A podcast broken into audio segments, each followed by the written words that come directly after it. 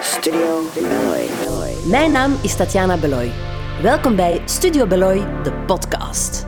Hier ga ik jullie inspireren met de mensen die mij fascineren. Sit back and relax, or keep walking and listening.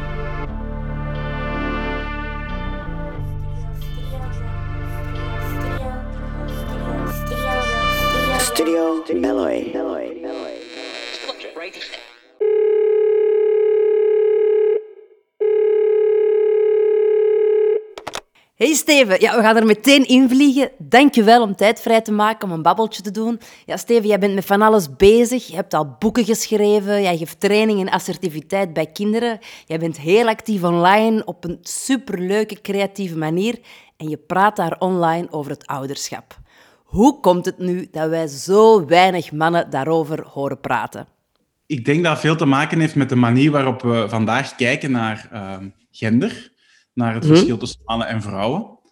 Ehm, als we gaan kijken naar ja, de afgelopen decennia, dan is de, het ouderschap um, wel veranderd. In die zin dat mannen hebben wel um, meer aandeel gaan opnemen in, in, de, in, in het ouderschap dan vrouwen. Maar nog steeds zie je dat het uh, merendeel van de tijd die geïnvesteerd wordt in de opvoeding, maar ook in het huishouden, nog steeds bij de moeder ligt. De laatste cijfers spreken van twee derde van de tijd is bij de mama en een derde uh, bij de papa. Um, mama's hebben het dan ook nog extra zwaar gekregen, want vrouwen zijn de laatste jaren of de laatste decennia meer gaan uh, werken.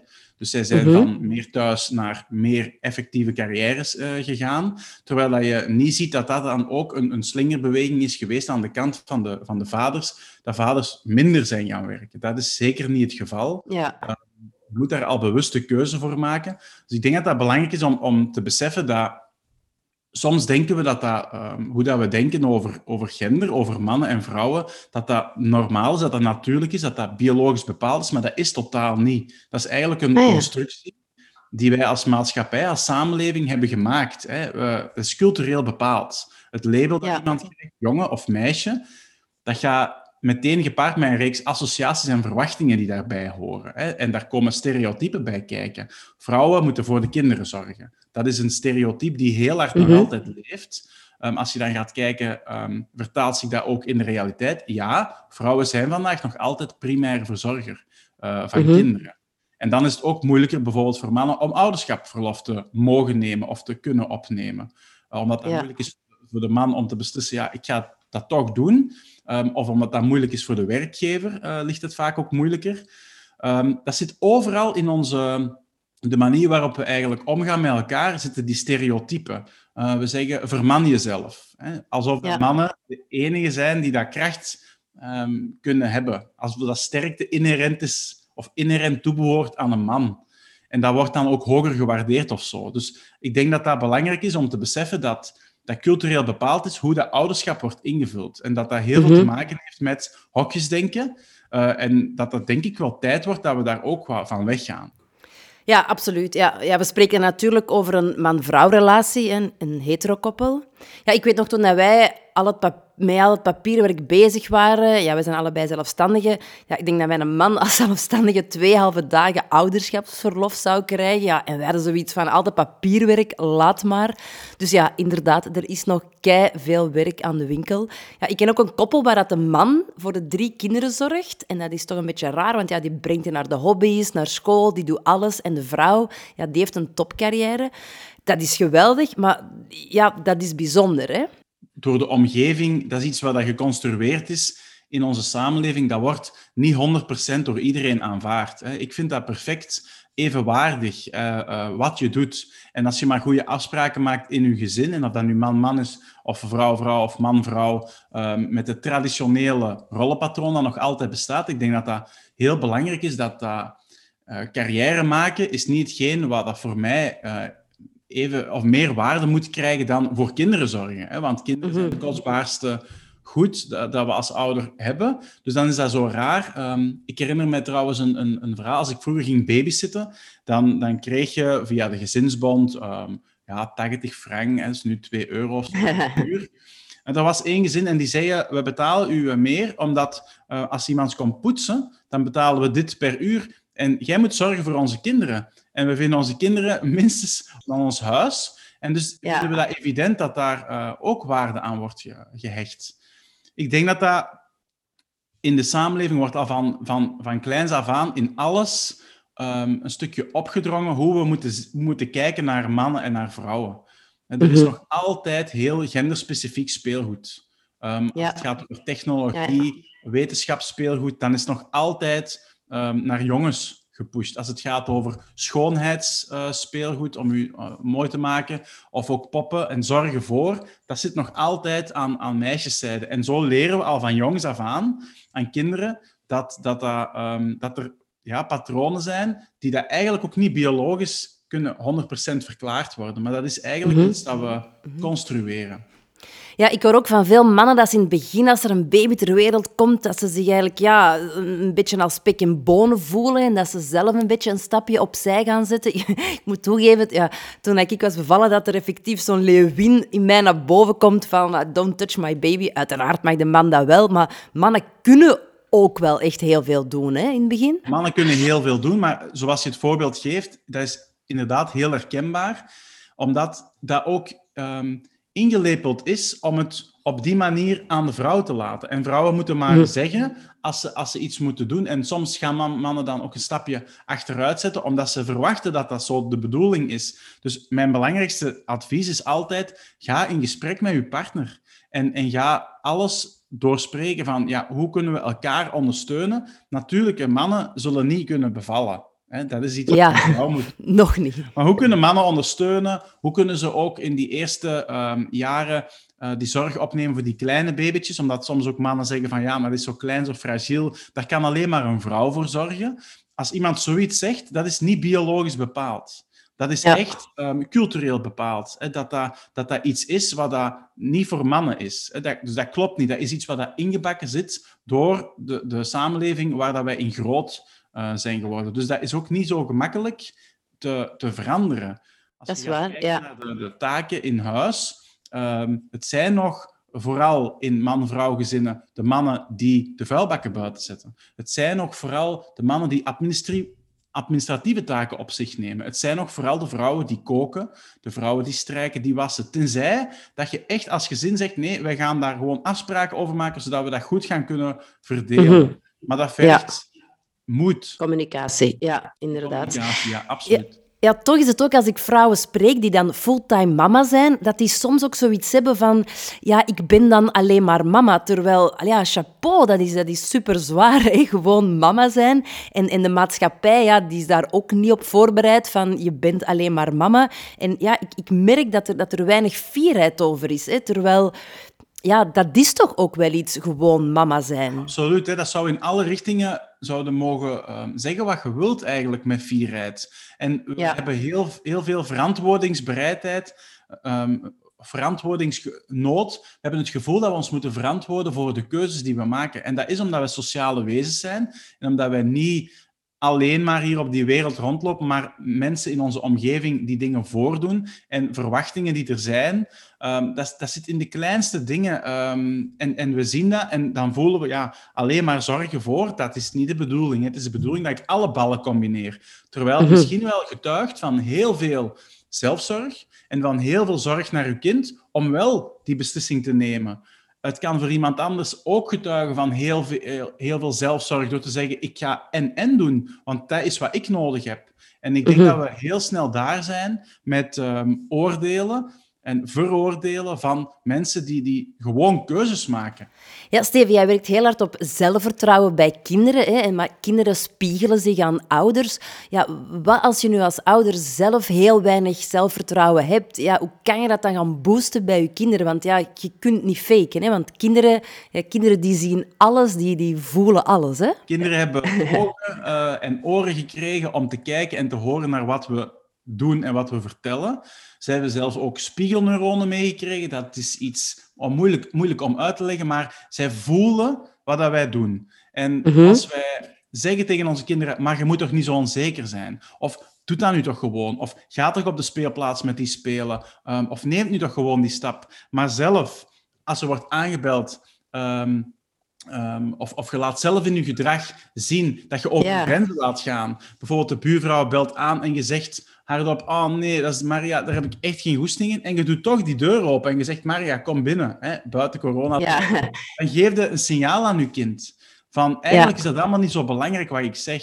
Dus een van de belangrijkste ehm, tips is, ga ook zelf ehm, stevig staan. En ga ook zelf het, het, het goede voorbeeld geven, want daar leren kinderen het, het meeste van. En om zo het bruggetje te maken met wat we er juist aan bespreken waren, ook zelfvertrouwen is een sociaal construct. Dat is ook iets wat we als maatschappij creëren voor onze kinderen en voor ons. Je moet Mhm. aan bepaalde verwachtingen voldoen. Je moet en het goed doen op school en verschillende hobby's hebben en nog een goed kind zijn thuis ook. Mhm. En het altijd allemaal op een rijtje hebben. En als ouder komt dan nog van alles bij. En dat is gewoon niet realistisch. En de lat ligt Ja. heel erg hoog. En dan lopen heel veel mensen daaronder door. En als je Mhm. het gevoel hebt niet te kunnen voldoen aan wat er wordt opgelegd, en als er heel veel moet, hè, we moeten vertrekken, we moeten huiswerk maken, dan gaan kinderen ehm, het gevoel hebben dat ze falen of dat ze daar niet aan, aan tegemoet komen. En, en we zien vandaag hier in, onze, in ons land enorm veel eh, psychische problemen, ehm suicides, ook bij, Ja, bij jongeren, eh, bij kinderen zelfs, ehm, bij, bij volwassenen zeker. We zijn een van de koplopers. En als je dan gaat kijken, hoe komt dat? Er zijn verschillende factoren, maar een van de factoren is de druk van de maatschappij. Hè? De druk om erbij te horen en om gewoon in het rijtje te, te lopen en om te moeten volgen op school en al die Mhm. dingen. Maar als kinderen dan bijvoorbeeld hobby's hebben, hè, ik hoor sommige kinderen gaan op maandag naar de tekenschool, dinsdag gaan ze zwemmen, woensdag gaan ze dansen. Ja, dan moeten ouders hè, ook maar de kinderen overal naartoe brengen. Dan is er veel druk ook voor die kinderen. Maar het is dan misschien ook wel raar als je aan een kind vraagt, ja, wat doe je als hobby? En dat die er geen hebben. Er zijn bevragingen geweest en ouders geven aan dat, ehm, veel ouders geven aan dat ze het gevoel hebben dat kinderen meer dan één hobby moeten hebben. Dus Mhm. dat, is, dat is eigenlijk van de druk van ouders. Ook kinderen voelen dat natuurlijk. Ehm, ik, ik zeg altijd, kijk naar uw kind. En kijk naar de talenten van uw kind en wat uw kind graag doet, de passie, de interesse. En ga kijken, wat is haalbaar? En als je merkt dat elke zondagavond je kind uitgeput in de zetel hangt van het drukke hobbyweekend, en, en dan is die maandag alweer daar met dat school en die red race, dan is dat Mhm. misschien niet ideaal. En dan is dat misschien voor dat kind beter om het bij één hobby te houden. En misschien zijn er wel kinderen die daar volop willen gaan voor een bepaalde sport en dan drie keer per week moeten trainen en ook nog eens moeten match doen in, in het weekend. Dat kan. Dus ik Mhm. denk niet dat er één eh, goed voorbeeld is, want elk kind is anders. En sommige kinderen, net als volwassenen, hebben meer nood aan rust. Ja, Sommige absoluut. mensen hebben minder nood. Ik heb niet zoveel slaap nodig. Dus ik kan perfect tot één uur wakker blijven en s'morgens om half zeven of om zes uur opstaan. Maar er zijn andere mensen die daar veel meer problemen mee hebben. En dat moet je dan niet doen, zo lang op blijven. Dat is met Ja. kinderen net hetzelfde. Ja, maar misschien is er ook wel druk van, van buitenaf. Van stel je voor van, ja, dat je kind het enige kind is in de klas dat niet kan zwemmen.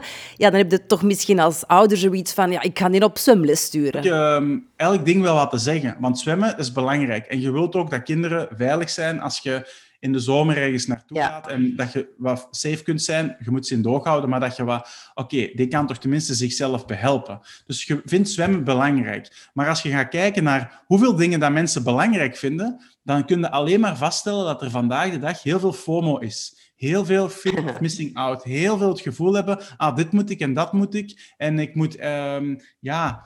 En we dragen dat over aan, aan onze kinderen. Eh, die moedjes die beginnen al in de kleuterschool. En dat stopt Ja. eigenlijk nooit meer. En je hebt altijd het gevoel, of veel mensen hebben het gevoel, geleefd te worden. Eh, het onderzoek Mhm. blijkt ook dat kinderen, heel veel kinderen eh, het gevoel hebben dat ze te weinig tijd hebben voor ontspanning. Terwijl ze wel drie hobby's hebben. En Mhm. dus soms is gewoon niks doen, verveling, ook een cadeautje. Hè? Ehm, Ja, Dirk de Wachter eh, zegt dat ook, hè, ja, verveling. Ja, het begint ook al vroeg, hè, want bijvoorbeeld een, een vriendin van mij zegt van ja, mijn baby kan aan rollen. Die is even oud als mijn baby. Mijn baby kan nog niet rollen, dus ik heb zoiets, kom aan, baby, rol rol. En ja, je voelt dan zo precies toch een beetje druk, maar een week daarna rolt hij en denkt, oké, nu moet je stoppen met rollen. Ja, dus... Dat is ja. heel moeilijk en dat zijn dilemma's in elke ouder. Want langs de ene kant geven eh, ouders in bevragingen aan: het leven gaat te snel, het is te druk, er is te weinig ontspanning, eh, er moet te veel voor kinderen. En langs Mhm. de andere kant willen we als ouder ook wel dat, onze kind, dat ons kind te tenminste in de middenmoot zit. En tenminste een normale ontwikkeling krijgt. En liefst misschien zelfs nog een klein beetje beter, zodat we wat marge hebben. Dat gevoel Is, logisch, want we zijn overlevers en we willen graag een goede genen doorgeven. Dus dat, is ook, dat, dat wordt ook biologisch bepaald. Dus daar zitten we in een strijd. Langs de ene kant zien we dat die, die race van het leven wordt gelopen en loopt uw kind al en, en is hem al droog s'nachts. En, ja, en dat stopt nooit meer. Want dan gaat het over tot punten op het rapport en waar is hem goed in en waar blinkt uw kind in uit. En dan vergeten we soms dan, dan focussen we ons te veel op die wedstrijd en op eh, de scores bij kind en gezin, van de groei en van de kilo's. Terwijl mhm. in, op een percentielscore van 1 tot 100, um, als ouders horen, ja, uw kind zit op percentiel 30, dan denken ze, oh, uh, sta achter. Maar elk kind staat op één puntje. Dus er mhm. moet een kind op 30, op 31, op 99, er moet op elk puntje een kind staan. Dus dat is logisch dat er een ordening is. En we, zijn dan te veel bezig met hij loopt achter. Ja, 50 is het gemiddelde. Maar van 1 tot 100 is eigenlijk een, ja, is, is de curve. En als het systematisch niet goed groeit, of niet goed eet, of niet goed slaapt, dan kunnen we gaan kijken hoe kunnen we dat probleem aanpakken. Is er iets meer aan de hand? Maar we gaan te snel willen um, dat alles normaal loopt. En daardoor leggen we druk. En ik denk dat die druk stress met zich meebrengt en erger is op termijn voor kinderen dan dat we dat wel zouden loslaten. Ja, en dat ze zich dan ook gewoon rustiger en zelfzekerder gaan voelen. Bestaat er eigenlijk zoiets als te veel zelfvertrouwen bij kinderen? Ja, absoluut. Hè. Zelfvertrouwen is kinderen die alleen maar gehoord hebben altijd, het is goed wat je doet. En het is schitterend en, en, en je maakt prachtige tekeningen en je bent toch zo ja, een prachtig kind. En die kinderen gaan eigenlijk een, een foutieve perceptie krijgen van, van zichzelf. Want je, je kan niet in alles excelleren.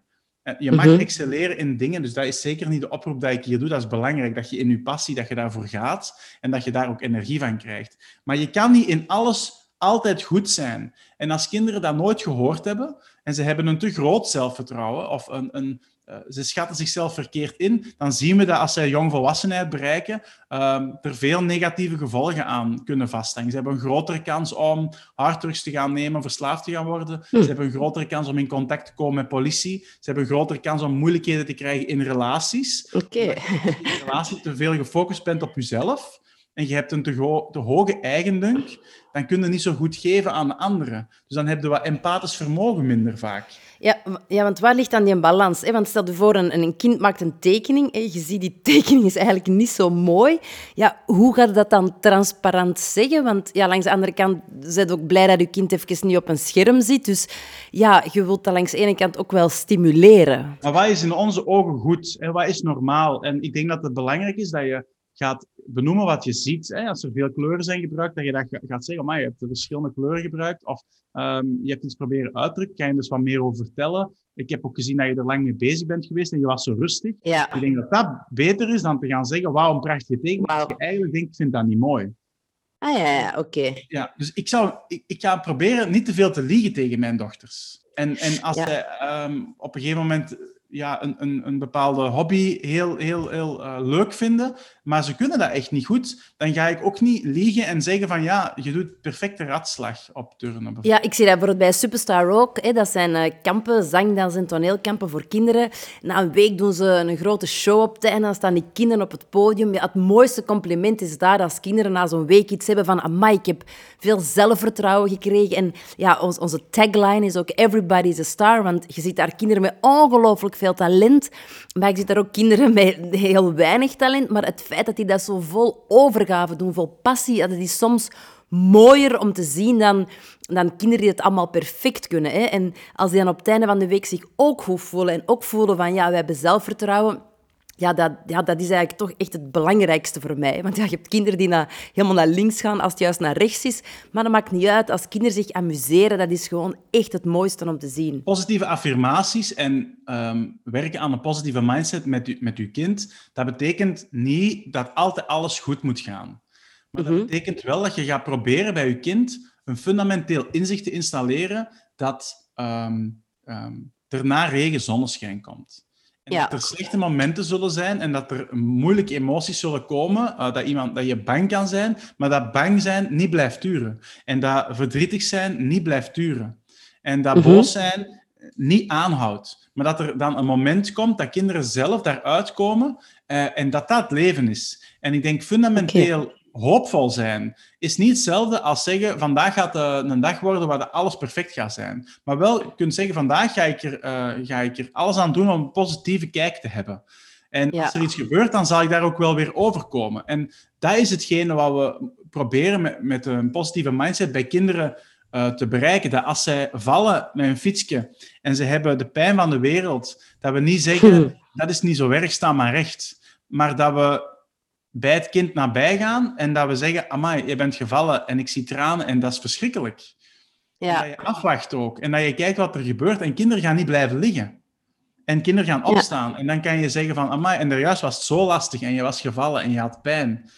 En nu ben je rechtgestaan en ik zie je terug lachen en je hebt je tranen weggeveegd. Hoe heb je dat gedaan? Ik vind dat ongelooflijk knap. En dat is um, fundamenteel um, aandacht geven aan emoties die voorbij gaan.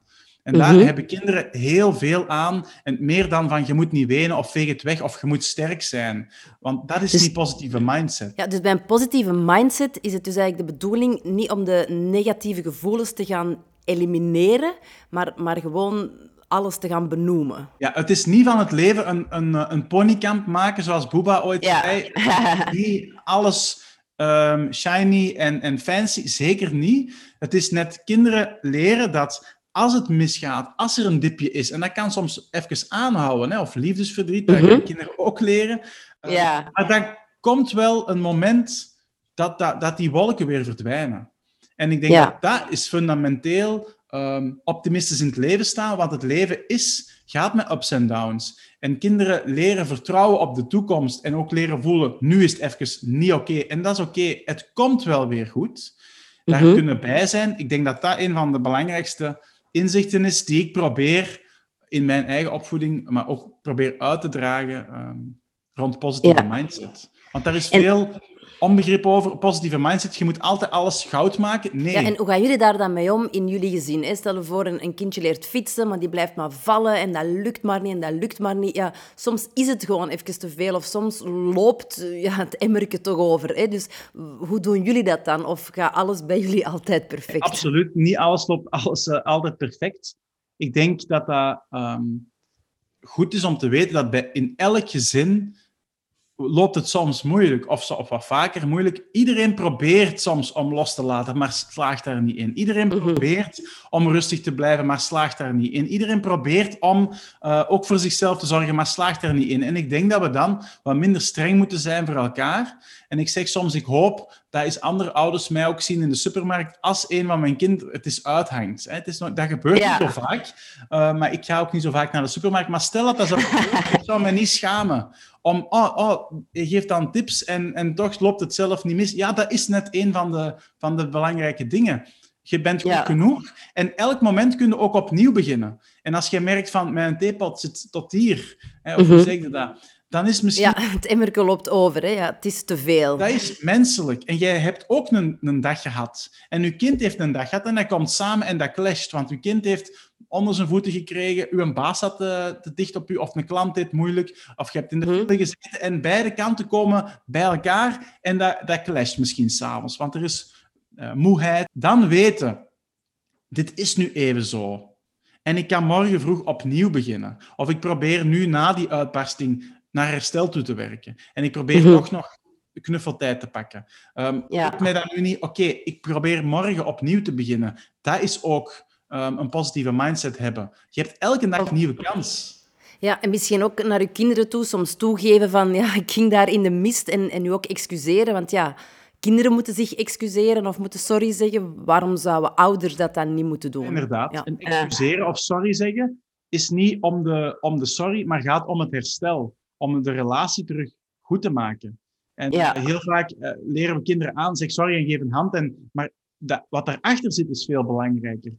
Ik heb met mijn gedrag schade berokkend bij iemand anders. Ehm, en dat kan zijn dat ik iets heb stuk gemaakt, of dat kan zijn dat ik iemand verdrietig heb gemaakt. Dat is ook schade. En ik wil, dat, ik ga dat erkennen dat dat is gebeurd en ik ga een deel verantwoordelijkheid op mij nemen. En ik ga zeggen wat ik gezegd heb, dat, dat was echt niet de bedoeling, maar het heeft u wel gekwetst. En ik wil dat het oké is tussen ons. En dat kinderen leren, dat is net heel, dan het is beter dat je ruzie maakt, bijvoorbeeld met je partner, dat je kind dat ziet, maar dat, ze, dat, dat je kind ook ziet dat je het er goed maakt, dan dat je al die dingen uh, wegmoffelt. Want dat zijn de verhalen van onze generatie. Heel veel hebben ouders... Ja, ja.